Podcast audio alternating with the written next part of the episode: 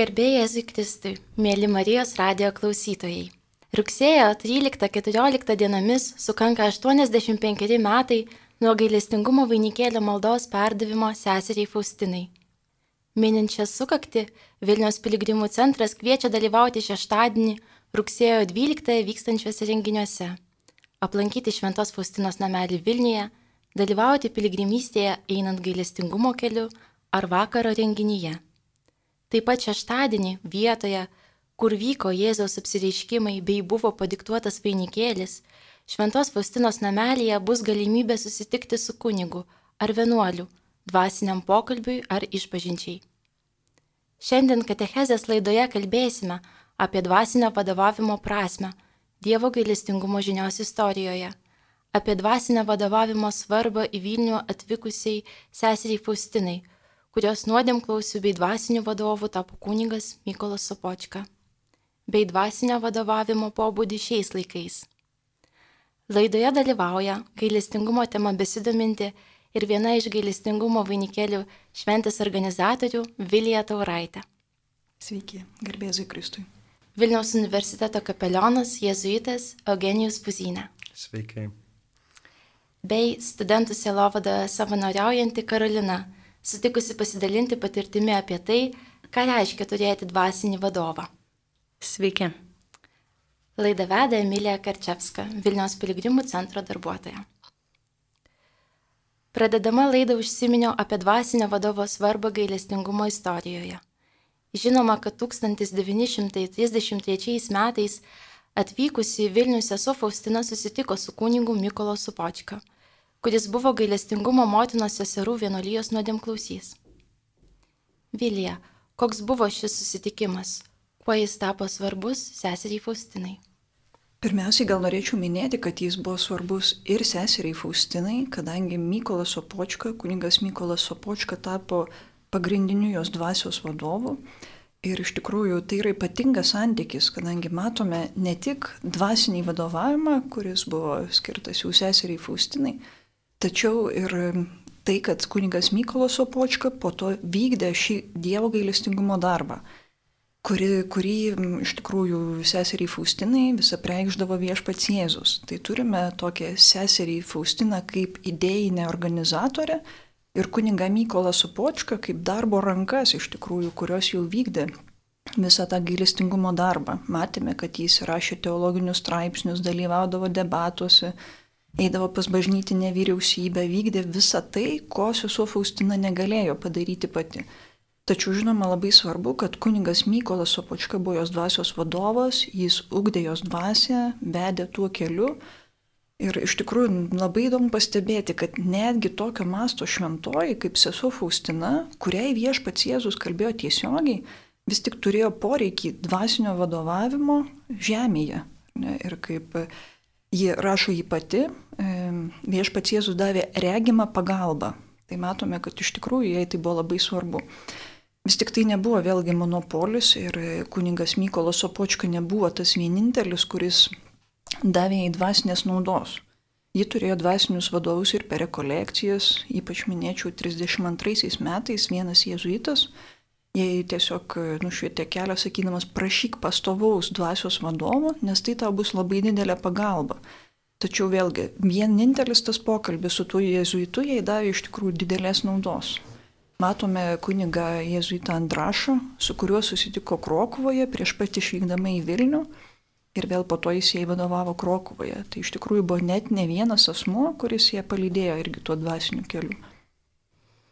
Iš tikrųjų, sesuo Faustina dar e, savo dienoraštėje rašo, jog prieš atvažiuodama į Vilnių e, vidinių regėjimų e, matė tėvą e, Mykolą Sopočką. Ir jau atvykusi į Vilnių, pažino jį iš to anksčiau patirto regėjimo. Karolina, tu turi dvasinį vadovą. Papasakok, ar buvo lengva jį atrasti, ar tu jį taip pat dvasioje atpažinai kokie bruožai ir dalykai buvo tie, kurie atrodė svarbiausi ieškant dvasinio vadovo? Na, gal tokios istorijos kaip e, Šventoji Faustina neturiu, bet e, pirmiausia, man atrodo, viskas prasideda nuo minties. Pirmiausia, užgimė mintis, kad e, apie dvasinį vadovą, kad man jo reikėtų, įsivardinau, kodėl man jo reikėtų. Ir tada prasidėjo paieškos. Palyginus, kai aš kalbuosi dabar su savo draugais, bičiuliais, tai jos netruko tiek ir ilgai, vos keletą mėnesių. Tai aš vadinu tokia sėkme. E, tai buvo labiau gal įsivardinimas irgi, ko, ko man reikia ir tada paieškos to žmogaus, su kuriuo aš galėčiau kalbėtis, kuriam aš galėčiau pasakoti um, drąsiai, be užuolankų. Ir um, kada tokį gal bičiulį, šiek tiek uh, bičiulišką santykį galėčiau palaikyti. Ir uh, tuomet aš pradėjau galvoti ir sukti galvoje, ką aš pažįstu iš kunigų, vienuolių, įsivardinau savo kelis, na ir kelis mėnesius taip pakankamai stebėjau. Ėjau į mišes ar žiūrėjau bendravimą su kitais ir po vienos mano draugų, kitų kelionės, vienas kunigas labai taikliai atliepia žmogui jo pasirinkimus kelionės metu. Ir aš pagalvojau, man reikia tokio žmogaus. E, tai čia buvo mano vidinis troškimas, kad e, šis kunigas būtų mano dvasinis vadovas, bet tuo viskas nesibaigė. Kai sugalvoji savo viduje, e, nusprendi, tai nereiškia, kad taip ir įvyks. Tada nueini, paprašai, paklausi, ar sutiktų ir tuomet maldoje gyveni ir laukia atsakymų, ar, ar sutinka. Tai vėlgi buvo sėkmė, nes sutiko. E, tai taip pat e, pakankamai greitai, kaip dabar žvelgiu, man pavyko rasti tą dvasinį vadovą. Iš tikrųjų, turbūt to e, dvasinio vadovo paieška jinai yra ir toks tai ženklų perskaitimas ir labai svarbus maldos išgyvenimas vidinis. Ir jau vėliau užsiminėte, kad ne tik tai seseriai Faustinai tai buvo svarbus susitikimas, bet ir kunigui Mykoloj Supočkai, kuris iš pradžių dėlse, nepasitikėjo, tam tikrą prasme nepatikliai žvelgiai į sesers Faustinos pasakojimą, kai prašė savo atminimuose, jis ištyrė, kokią nuomonę apie seserį turi vienolyje, pavedė ją gydytojų apžiūroj. Ir kitaip nei tie, kurie renkasi ir ieško dvasinio vadovo, kunigai, dvasiniai vadovai dažnai atrodo, na, neturintis teisės atmesti tarsi asmens ir pasakyti jam ne. Kunigė Eugenijau, jūs turite dvasinio vadovo patirtį kokie būna tie pirmieji susitikimai su vadovaujamaisiais, ar lengva pradėti dvasinį vadovavimą, kas atrodo sunkiausia pradedant ir susipažįstant su kitu asmeniu. Šties reikia iškart dar praplėsti trupučiuką ir plačiau žvilgterėti į dvasinio vadovavimo arba dvasinio palidėjimo, aš esu labiau atstovas palidėjimo termino ir tai ateina iš dvasingumo ignaciško, kur šventasis Ignacas Lojola pateikia tam tikras gairias, kaip padėti sieloms labiau priartėti prie Kristaus. Tai akivaizdu, kad centre tai tikrai nėra nei pats palydėtojas, nei palydintysis, e, bet Kristus, kuris kviečia aukti santykėje, gilesnėme, autentiškame santykėje. Ir čia tikrai yra ta šis, į kurią turėtų būti atsigręžę visi aktoriai, jeigu galim būtų tai pasakyti, to, ką mes vadintumėm dvasinis pokalbis. Centre yra Dievas, centre yra Kristus ir yra tas santykis. Ir apie tai, ką kalbam dvasinio palidėjimo metu, tai nėra kažkokie tik tai išgyvenimai, žmogiški ir taip toliau. Žmogiški be abejo ir psichologiniai galbūt, bet paskui mes pakalbėsim apie tai gal giliau, bet pirmiausia mano santykis su Dievu. Ir faktas, kad Dievas Jeigu aš turiu su juo tą ryšį, jis mane kviečia aukti ir tobulėti ir tada mane veda keliu. Ir čia labai graži bažnytinė tiesa, kad mes po vieną niekada neišsigelbėsim. Ne vienas, mes visą laiką tikėjimą turim asmeniniam lygmenį, bet turime taip pat ir tam tokiam bendruomeniniam. Ir va čia atsiranda ta galimybė. Taigi čia yra pati seniausia bažnytinė praktika. Jau dikumų tėvai, jau pirmieji dikumų tėvai palidėdavo žmonės jų dvasiniai kelionė. Tai čia yra tokia kelionė, kuri tikrai eina iš visų pusės. Kaip praktiškai pasakyti, aš esu nušmokytas to dvasinio palidėjimo, vis tiek buvo ir kursai, tai yra ir kompetencijos, tai yra tam tikros patirtis tavo asmeninės, irgi tavo dvasinių palidėjimų, kurios labai yra svarbios, tikrai labai svarbios, paskui tu naudojasi šitais dalykais ir palydint kitus.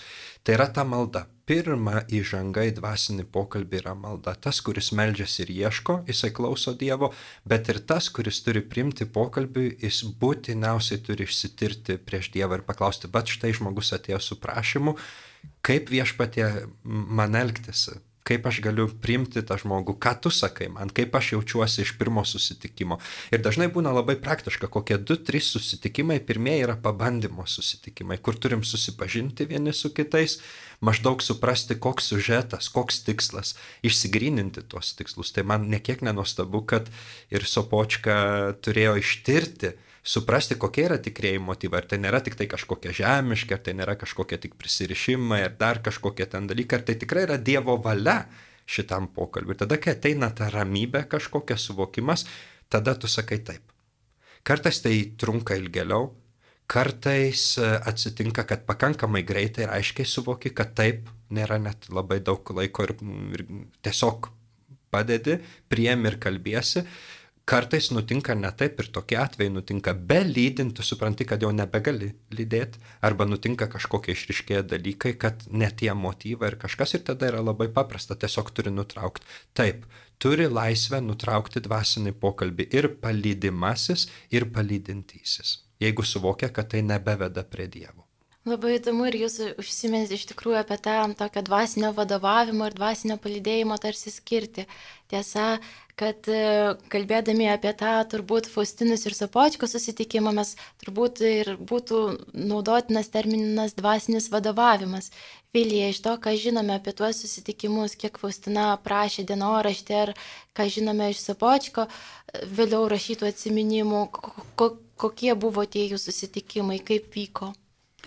Yra sakoma, kad kunigas Sopočka buvo labai racionalus žmogus. Ir matome, kad sesuo Faustina buvo tokios karštos dvasios, tie vidiniai kvėpimai dažnai būdavo labai stiprus. Ir matome, kad kunigas Sopočka dažnai ją tiesiog labai protingai, išmintingai apramindavo, stabdydavo ir įneždavo tokio racionalaus elemento į visą tą vadovavimą taip pat. E, dar įdomus aspektas iš tikrųjų, kad matome ir iš kunigo Sopočkos, ir iš tėvo Andrašo vadovavimo, jog jau pačiam vadovaujamajam yra paliekama vis tik sprendimo laisvė. Jie išklauso, jie patarė, tačiau netgi aiškiai yra išreikšta, kad tai yra tavo seserė Faustina atsakomybė, ką tu galiausiai pasirinksi. Aš tau padedu va, apeiti tas uolas, išvelgti viešpatės valią, Tačiau būtent jų sprendimo atsakomybė priklauso tam, kuris yra vadovaujamas, kuriam yra padedama.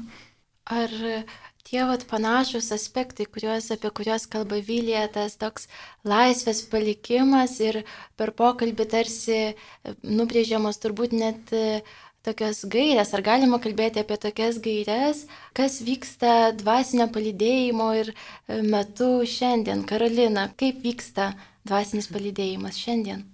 Na, kažkokių tais tikslų aiš, aiškių kelių tikrai ten nepasirodo dvasinio pokalbio metu, bet man asmeniškai tai yra proga sustoti, belekiant gyvenime, atsigręžti, permastyti savo santyki su Dievu, šalia sėdint žmogui, kuris manęs išklauso pirmiausiai ir tada atkreipia dėmesį į momentus, ką aš pati pasakau. Tai gal kartais e, praklausau savęs. Tai man buvo, na, kaip ir paieškose, e, dvasinio palidėtojo atrasti tą žmogų, kuris pastebėtų tai, pastebėtų, mane suprastų, kartais iš tų nebilių žodžių, kuriuos mes e, būna, kad kalbam. Tai e, aš sakyčiau, e, tas vat, dvasinis palidėjimas yra atkreipimas, pažiūrėk, Ar nežinau, ką tu darai, kas atsikartoja tavo gyvenime, galbūt atsikartoja kažkokia nuodėme, galbūt atsikartoja kažkokie tais sprendimai, polinkiai, polėkiai, um, interesai e, ir tai galbūt galėtų padėti suvokti pašaukimo klausimą. Um, pašaukimo nebūtinai čia didžiaja prasme į kažkokį tai sakramentą, bet galbūt minimal, minimaliuose savuose pasirinkimuose, kasdienoje, gal darbo pasirinkimai. Tai man dvasinis pokalbis e, yra būtent apie tai. Tai yra apie dvasinius dalykus, Reikia atskirti, bet kartais tai yra susiję ir su žemiškais mūsų pasirinkimais, kaip, nu, vat, minėjau apie darbo pasirinkimą. Tai gali būti labai susiję su dvasišku ir psichologiniu tavo bu, sa, na, būtimi. Nežinau, gali jaustis blogai savo darbe ir štai dvasinio pokalbio metu suvoksi, bet gal suvoksi, labiau suvoksi tą pašaukimą, kur tu gal turi patarnauti žmogui, kitam ir tada ieškoti būdų, kaip tai gali padaryti geriausiai.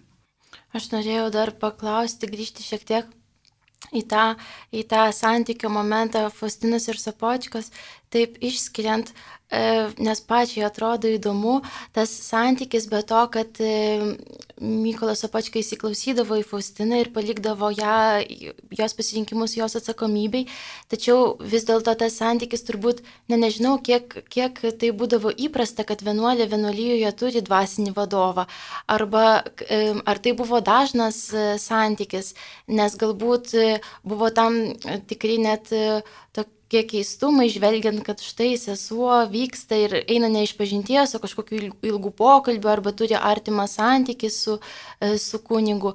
Kaip, ar tai buvo įprasta?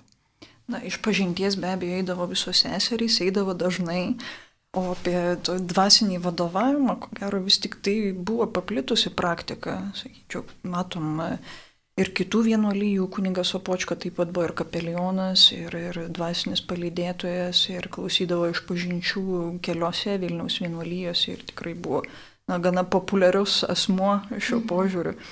Ir iš tikrųjų, kalbant apie išpažintis, buvo tokia kliūtis, kai sesuo Faustina pradėjo vis labiau atsivert kunigui Sopočkai ir vis daugiau tos medžiagos aptarti, ką viešpats Jėzus kalba. Iš tikrųjų, tos išpažintys tapo ilgos, seserys pradėjo piktintis ir iš tikrųjų netgi buvo nepatenkintos, tai tam tikras brusdėsys kilo. Nors to santykio, koks buvo tarp jų, na, ko gero jis nebuvo toks jau ir viešas. Ne? Po to yra išlikę ir e, susirašinėjimas sesers Faustinos ir kunigos Opočkos.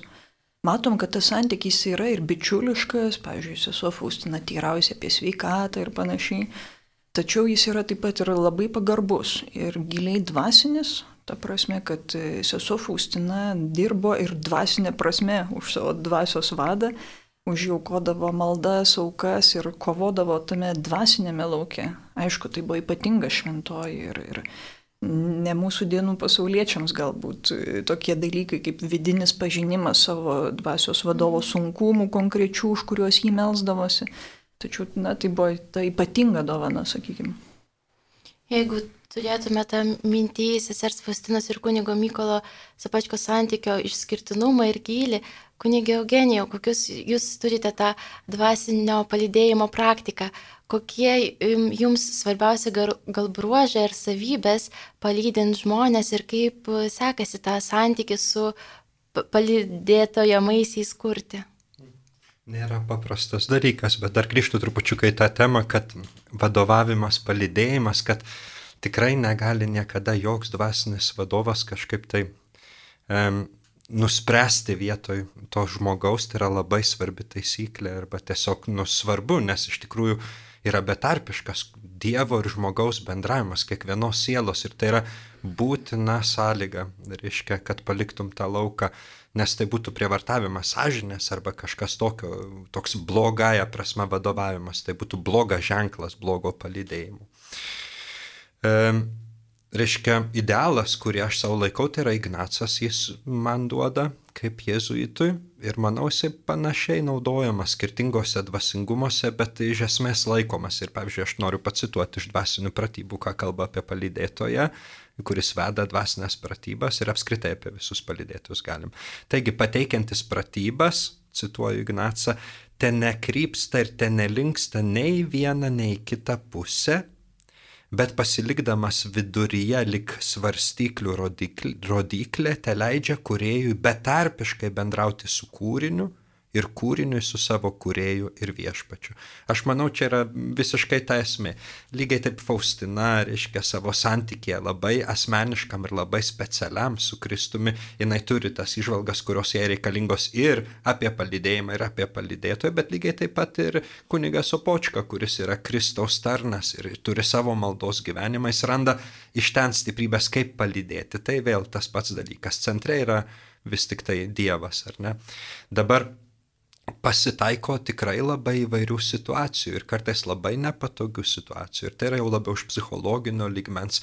Kartais gali netitikti asmenys arba gali vienas kito negirdėti. Ir tai pasitaiko. Aš asmeniškai tikrai turėjau įvairiausių palidėjimų, tai yra įprasta praktika vienuolynuose tikrai per visą savo formacijos laikotarpį. Jėzaus draugijoje tiesiog yra natūralu, kad mes turim dvasinį palidėtoją ir mes kartą per mėnesį ateinam pokalbį apie mūsų maldą ir taip toliau. Tai yra būtina, būtina. Ir tai nėra tik tai vienuolių dalykas, tikrai patartina kiekvienam geram krikščioniui atrasti dvasinį palidėtoją. Ir taip pat mitą reikia sugriauti. Dvasinis palidėtos tai nebūtinai kunigas, nebūtinai seselė vienuolė, yra nuostabių dvasinių palidėtojų, profesionalių, pasirengusių praėjusių kursus ir turinčių patirtį pasauliečių vyrų ir moterų. Tai irgi yra labai svarbu tą matyti. Tai dabar reiškia, gali atsitikti, kad, nu, netinka. Ir aš tikrai turėjau įvairių dvasinių vadovų, bet kartais atrodo, tu šneki ir kalbė apie savo kažkokias tokias intimes patirtis Dievo ir atrodo, kad nesupranta ir negirdi ir kreipia kažkur ne ten ir tu tą pajunti.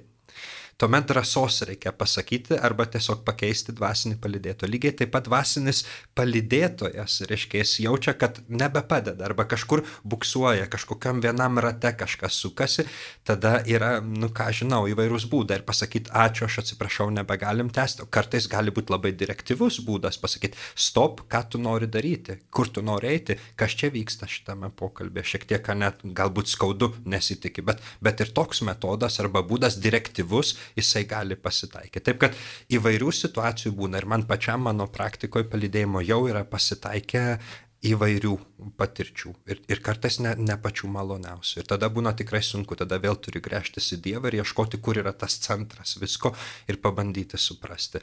Kartais gali būti ribos kažkokios peržengiamos, būkim nenaivus, gali būti, gali būti kažkokios subtilios manipulacijos, perkelinėjimai, kažkokie įsivaizdavimai, gali taip nutikti, kad ir labai geros intencijos, bet tu turi kažkokį perkelimą arba kažkokį netaip priemi, netaip girdi. Tai čia tie visi psichologiniai, tai taip pat niuansai irgi yra svarbus. Tai visada sakau, kad žmogus yra visuma, jis yra ir kūnas, jo poreikiai baziniai, jis yra ir siela, tai yra tie visi emociniai dalykai, psichologija, bet taip pat yra ir dvasia. Ir čia yra visas tas laukas, kuris yra dvasinio palidėjimo laukas. Bet tikrai ne, neatskirta, tie visi aspektai žaidžia. Ir kartais, kai jie yra m, mm, kažkokie m, mm, nesusitvarkę, yra labai sudėtinga.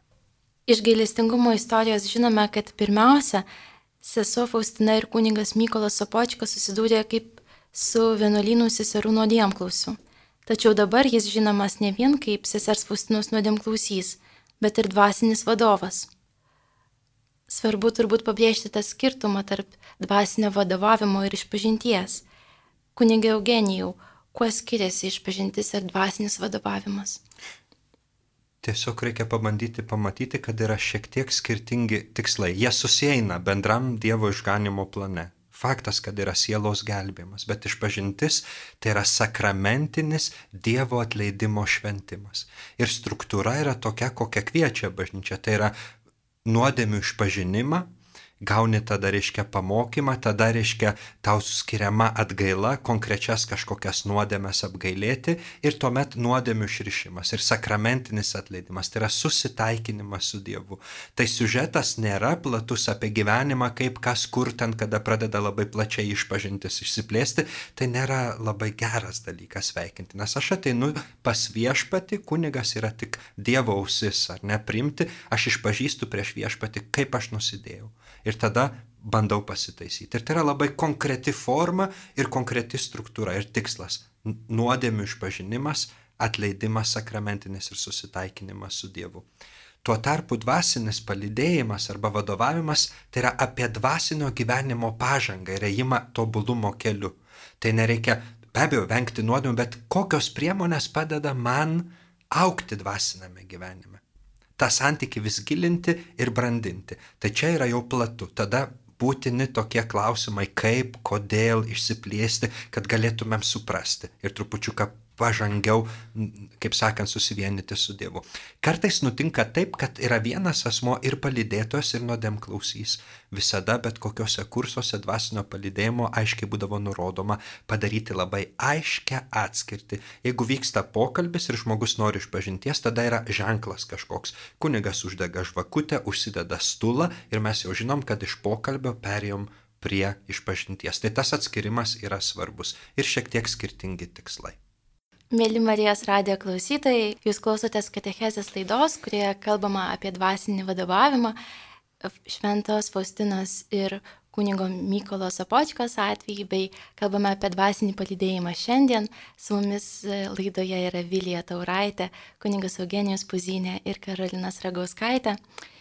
Šiek tiek jau pirmoje laidos pusėje kalbėjome apie tą svarbą ir Karolina užsiminė kalbėdama, kad dvasinio pokalbio metu e, kalbėjo apie dvasinius dalykus, kurie yra neatskiriami nuo žemiškų. Ir kartais, e, bekalbant, žmonės natūraliai įma kalbėti ir sunku išlaikyti tą turbūt skirti ir kalbėti ir apie dvasį, ir apie emocijas, apie tai, kas vyksta su mūsų jausmais. Ir kartais tas dvasinis pokalbis gali nukrypti ir tapti tokia psichologinė konsultacija ar terapija, kas tau padeda išlikti dvasinio pokalbio kelyje? Na, turbūt pirmiausia, tai pirmos pačio susitikimo metu e, aš su savo dvasiniu palydėtoju aptarėme visas, žinau, taisyklės, sąlygas, kaip viskas vyks, nes tai yra mano pirma patirtis. Tai vienas iš tų dalykų buvo, kad jeigu dvasinis palydėtojas jaus, kad aš pradedu kalbėti psichologiniais dalykais ir labiau orientuojasi į juos, Tai vienas dalykas mane sustabdys, jeigu tai yra kažkokia problematiškas rytis, tai tiesiog yra nukreipimas e, eiti pas psichologą. Na, nes tai nėra dvasinio palidėtojo visiška kompetencija. Taip, dvasiniai dalykai su psichologiniais yra susiję, kaip mes e, matome, projektuojame pasaulį, bet nežinau, kažkaip man e, pačiai iš pajautos gaunasi bent jau man taip atrodo, kalbėti apie dvasinius dalykus, nekišant e, psichologinių savo kažkokių tais e, elementų. Gal čia priklauso, aišku, kiek pats žmogus yra linkęs savį analizuoti, e, žiūrėti, tai nu, ten aišku yra, um, ten nežinau, kokie vaikystės santykiai su tėvais, Tai taip, tai gali atsiliepti ir mūsų dvasiniams gyvenimams, kaip mes matome Dievą, kaip mes jį žiūrime. Ir nu, tada mes turime su, suprasti, kas yra, mm, bet ir kartu žiūrėti tai dvasiniai platmėjai, kad mes esame aukščiau šitų, man bent jau taip atrodo, aukščiau šitų psichologinių um, kažkokių tais uh, trūkumų, kurių mes visi vienai par kitaip turim. Tai nežinau, man kažkaip kol kas aš labai nesusidūriau su didžiulė problema, kur turėčiau um, ilgai svarstyti ir gvildenti, ar tai yra mano psichologinis dalykas ar dvasinis. Um, kol kas gavosi taip, gana organiškai pokalbio metu, kad tikrai orientuojasi ir visada jauti, kur yra Dievas arba kur jo nėra ir kodėl jo nėra tada. Tai ir tada na, vat, aptarti uh, su dvasiniu palidėtoju, kas per tą laiką, kuris, kas įvyko. Iš tiesų man labai patiko ta mintis, kad ta kita plotmė, reiškia, vis tiek būdėti turi abu, tie, kurie yra pokalbė, kaip ir sakiau, kad tikslas yra nu, tikrai santykis su Dievu. Ir jeigu kažkur aš nukrypstu į save arba tik į savo kažkokią analizę, savį analizę problemų, tai mes jau esam kažkokioj psichoanalizė ir kažkas tokio, ar ne? Ir nu, tas pasijaučia, kai šiek tiek pameti tą kursą, kur eini.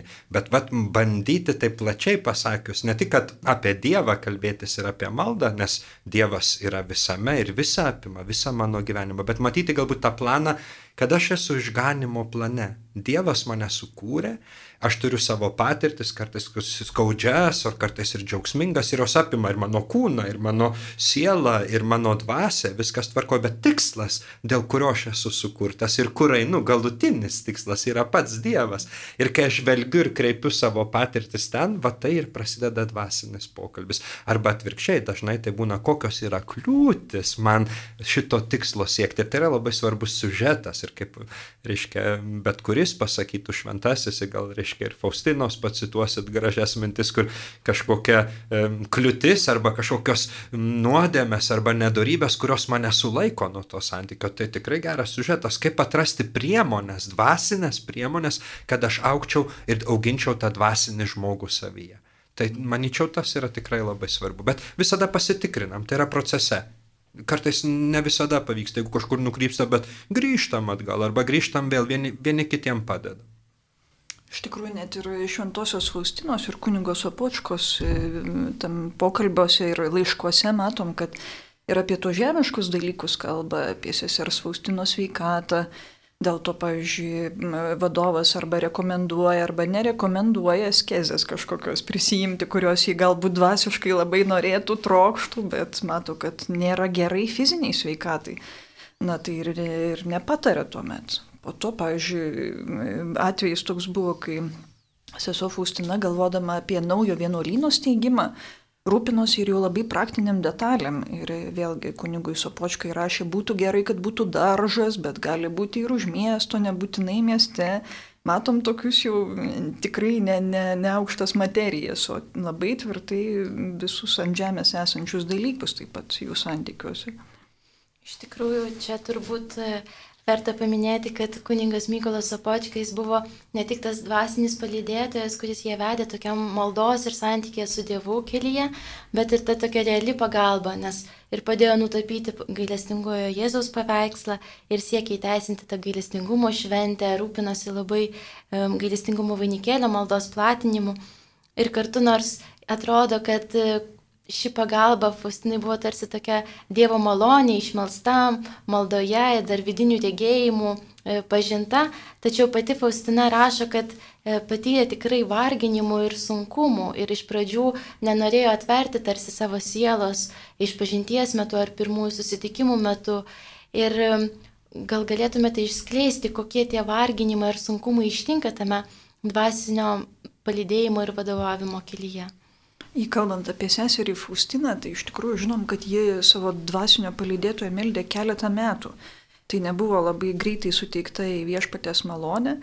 Ir žinome, kad kuniga Jėzuita Andrašo, kuris vėliau tapo jau e, dviejiems metams jos dvasios vadovu, taip pat kai gyveno Krokovoje, jis sutiko prieš pat išvykdama į Vilnių. Ir kalbama, kad tai galėjo būti vienas iš dalykų, dėl ko ji mane, kad tai yra tas viešpaties Jėzus, jai žadėtas dvasios vadovas ir dėl to ji labai greit neskubėjo atsiverti kunigui Sopočkai.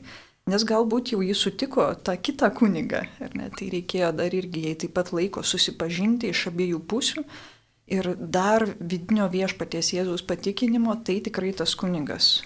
Žinoma, jie praėjo ir, ir visus tos gydytojų patikrinimus, apie kuriuos kalbėjom. Tai iš tikrųjų tas susipažinimas buvo abipusis. Ir Kartais e, sesuo Faustina buvo ta, kuri va keliarius metus meldė ir prašė dvasinio vadovo, bet e, turbūt sutinkame ir tokių žmonių, kurie nesiryšta arba nepagalvoja, kad verta turėti dvasinį palidėtoją. Tai Karolina, tu nesi nei vienuolė, o esi pasaulietė ir papasako, kaip tu, kaip tu patartum arba kokie tie E, keblumai, sunkumai gal tave buvo ištikę ieškant dvasinio palydėtojo ir kaip juos pavyksta įveikti? Šiaip į gyvenimą žiūriu kaip į kelionę ilgą, tai tiesiog vieni vienoj stoteliai sutinka, kiti kitoj stoteliai sutinka kažkokius dalykus ir nėra kažkas už kažką greitesnis ar e, protingesnis padaręs vieną ar kitą sprendimą.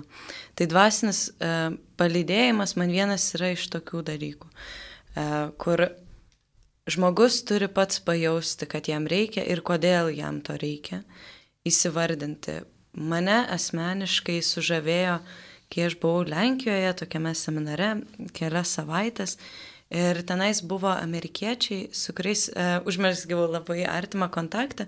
Ir viena iš merginų pasakojo ir dalinosi savo istoriją, kaip jinai persikraustė iš vienos valstijos į kitą. Ir jinai sako, vienas pirmų dalykų, jinai sako, kai buvo sunku daiktus persikraut, tada ten e, susirasti, kur nueiti kavos atsigerti skaniai. Ir e, kitas, vienas iš pagrindinių, vat, šalia lygiai grečiai šitų einančių, buvo susirasti dvasinį vadovą. Ir jinai pradėjo dalinti savo patirtimi, sako, kaip aš nueinu pas vieną ir suprantu, kad man netinka, nueinu pas kitą, vėl mes abu suprantam, kad ne. Ir, nu, kad jinai jau gal metus laiko buvo gyvenusi toje valstijoje ir sako, aš vis dar neradau. Ir man pasidarė įdomu, kaip vyksta šitas procesas ir mane tiesiog sudomino. Tada aš pradėjau galvoti, kodėl man pačiai reikėtų uh, apie ką aš kalbėčiau. E, ar, nu, vat, negaunu aš kalbėdama su savo draugais, nes esu visai pakankamai įsitraukusi į bažnytinės veiklas ir ko man vis dar trūksta. Ir aš supratau, kad man trūksta to asmeninio savo vedimo. Ne bendruomenėje e, matyti save, bet asmeniškai, individualiai. Tai tada ir prasidėjo visos tos paieškos, kurios, kaip jau prieš tai minėjau, buvo pakankamai greitos, bet aš tikrai sutinku savo draugų, bičiulių, kurie jau penkis metus ieško. Ir, ir tai yra natūralu, tai nereikia čia nuleisti rankų, svarbu ieškoti, mm, melstis, beieškant tikrai, tikrai svarbu, malda pasieks ten, kur mes patys nepasiekėm. Ir, ir atrasi tą žmogų, bet kokio reikia. Nes mano, mano galbūt tie kriterijai buvo vienokie, kriterijai savotiški, bet uh, kitų žmonių, kiti žmonės gal kitaip uh, pažvelgs į situaciją, ko jiems reikia, mm, kokius dalykus, kad žmogus pastebėtų. Dvasingumai yra skirtingi, skirtingo dvasingumo galbūt prireiks. Tai čia yra kelionė, tai tiesiog nebijoti, žengti pirmo žingsnio, pradėti galvoti apie tai ir ieškoti. Dvasinį vadovavimą matyt būtų lengviausia įsivaizduoti kaip tokį santyki tarp dviejų asmenų, to vadovaujančiojo ir tam, kuriam yra vadovaujama. Ir tas santykis labai praturtina turbūt tas abipusės. Ir Vilija, gal galėtumėt išskirti, ar kuo tas santykis praturtino seserį Faustinai ir kokiu vaisiu jis jai davė? Tai sesuo Faustina labai dažnai savo raštuose mini, kai e, iš tikrųjų ir sielą nuramina, ir pastiprina. Reikia pastebėti, kad e, ir kunigas Opočka, ir kiti jos palydėtojai tai patyrė ir viešpaties Jėzus apsiriškimų autentiškumą ir patvirtino. Tai iš tikrųjų jai buvo didelė pagalba, e, atskiriant, ar tai yra tikra ar ne, ir visam pasauliui po to perdodant tą žinią, kad ji būtų iš tikrųjų tikra, patikrinta ir ne vienios pačios įsivaizdavimai. Ir labai gražiai rašo apie tuos e, dvasinio vadovavimo vaisius. Rašo taip savo dienoraštyje, o kokia didžiulė malonė yra turėti sielos vadovą. Greitesnė pažanga ugdant darybės, siela aiškiau suvokia Dievo valią, ištikimiau ją vykdo, eina tikru ir saugiu keliu. Vadovas moka apeiti uolas, į kurias jį galėtų sudušti. Dievas suteikė man tokią malonę. Tiesa vėlai, bet labai ją džiaugiuosi. Tai iš tikrųjų įdomus aspektas tas, kad jeigu jau seseriai Faustinai, kuri iš tikrųjų tiesiogiai bendravo su viešpačiu Jėzumi ir yra didelio kalibro šventoji, sakykime taip, jeigu jai reikėjo tos regimos pagalbos ir net ne vienos, tai kaip dar labiau reikia na, ir paprastiems žmonėms, pasauliečiams to dvasinio vadovavimo, palidėjimo pagalbos. Šties tikrai reikia padrasinti kad nesusidarytum įspūdį, kad dvasinis gyvenimas čia yra elito gyvenimas. Niekada tai būtų prieš Evangeliją. Prisiminkime patį Jėzų Kristų, patį Jėzų Kristų, dailydės sunus, prisiminkime paštalus, žvėjai, paprastieji žvėjai, paprasti žmonės, to, to laikmečio žmonės. Ir čia yra visas tas Dievo gailestingumo didžiausias stebuklas, kad viešpats ateina ir tampa žmogumi ir nori išgelbėti pasaulio. Tai reiškia mūsų visus. Ir vadinasi, mes esam kviečiami būti jo mokiniais. O būti mokiniais tai reiškia mokintis, tai reiškia irgi išmokti klausyti Dievo, atpažinti jo valią, savo gyvenime.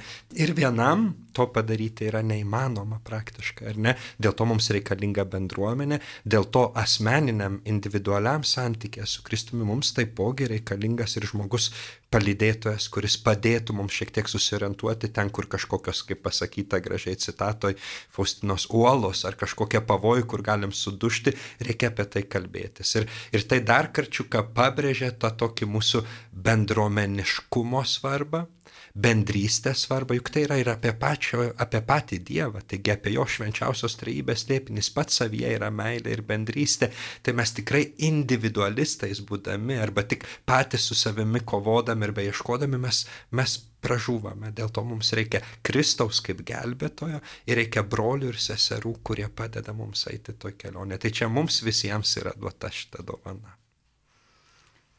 Baigiantis laidai, kurioje aptarėme dvasinio vadovavimo svarbą gailestingumo istorijoje bei jo svarbą šiandieninėme kontekste, noriu priminti klausytojams, jog minint gailestingumo vainikėlio padiktavimo 85-ąją sukakti rugsėjo 12-ąją Šventos Faustinos namelėje Vilniuje nuo 14 iki 17 val.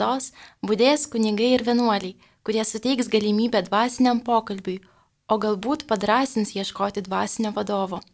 Tad kviečiu visus aplankyti Šventos Faustinos namelį ir galbūt ryštis dvasiniam pokalbiui. Dėkoju visiems pašnekovams ir Marijos radijos studijos svečiams. Apie dvasinį vadovavimą ir jo pobūdį sesers Faustinas ir palaimintojo kunigo Mykolo Sopočkos atveju papasakojusiai Vilijai Tauraitai, bei apie dvasinio vadovavimo aspektus ir asmeninę patirtimi pasidalijusiems Karolinai Sragauskaitai ir jezuitui kunigui Eugenijui Puziniai.